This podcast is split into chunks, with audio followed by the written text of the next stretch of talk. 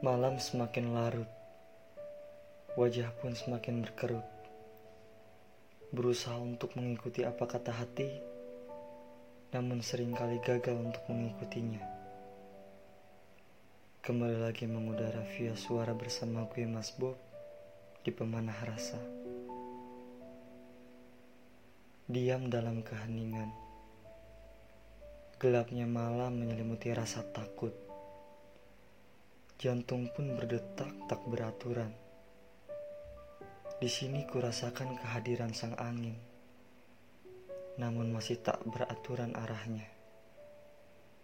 Di atap rumahku ini, aku terduduk, berusaha untuk menenangkan diri dan menyendiri. Entah mengapa rasa iri ini hadir ketika melihat yang lain bisa berdiri dengan mudah.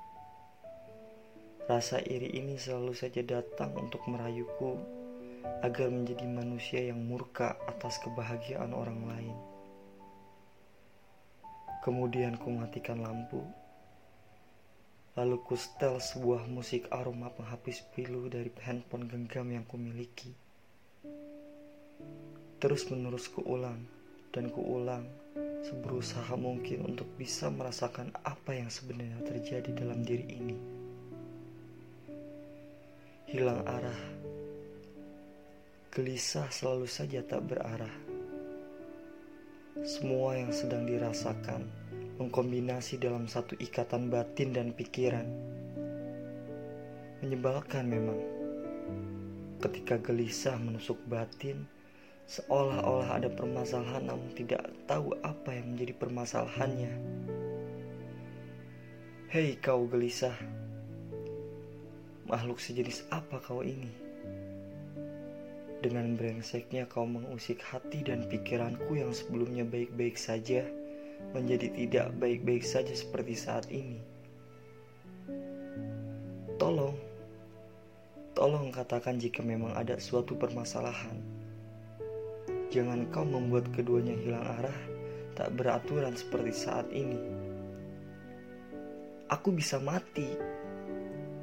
Aku takut mati. Tapi ada yang lebih aku takutkan dari kematian, yaitu mati rasa. Selintas saja aku mengatakan hal itu, mati rasa.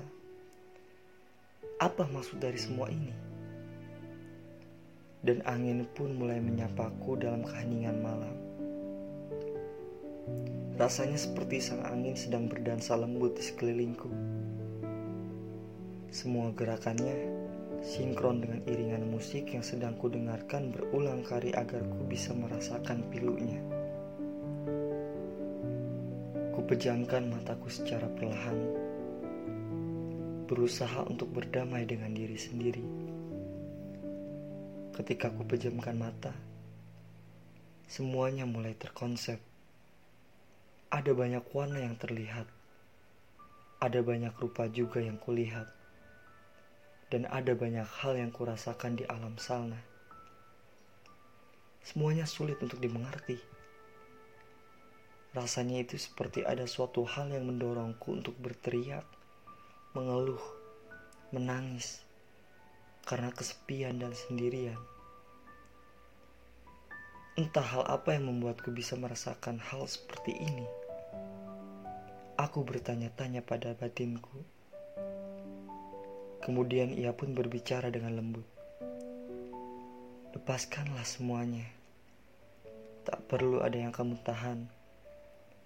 Jadilah dirimu sendiri. Jangan kau membohongi dirimu sendiri.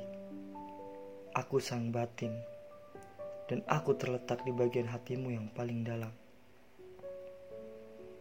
Kehadiranku sering kali terhalang oleh amarahmu, egomu, dan juga iri hatimu melihat hal-hal yang orang lain bisa rasakan, namun belum bisa kau rasakan. Kau terlalu membohongi dirimu selama ini, sehingga kau tidak bisa merasakan kehadiranku dalam dirimu. Padahal akulah sejatinya dirimu.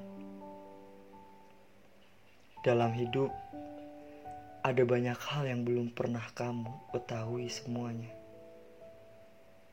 Dan kamu harus bisa mencari tahu sendiri. Batinku menyampaikan sebuah pesan. Hidup itu tentang sebuah perjalanan yang harus kamu alami dan kamu rasakan sendiri. Bukan tentang suatu permasalahan yang harus kamu selesaikan.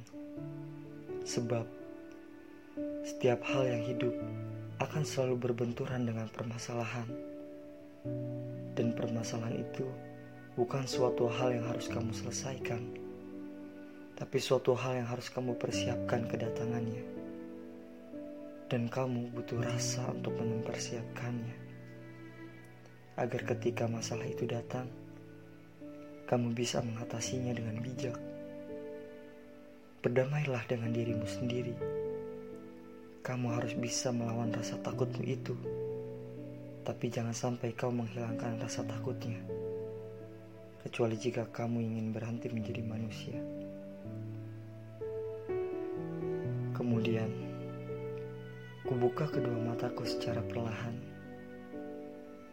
Seperti sadar tak sadar, aku masih bertanya-tanya pada diriku sendiri.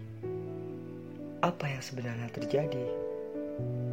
Seperti sedang melakukan sebuah perjalanan, menerima pesan tersirat yang harus dibedah. Namun, Sekejap saja setelah itu, aku merasakan ketenangan dalam diriku. Rasa gelisah menghilang dan tak lagi kurasakan setelah itu. Dan inilah episode ketiga tentang berdamai dengan diri sendiri.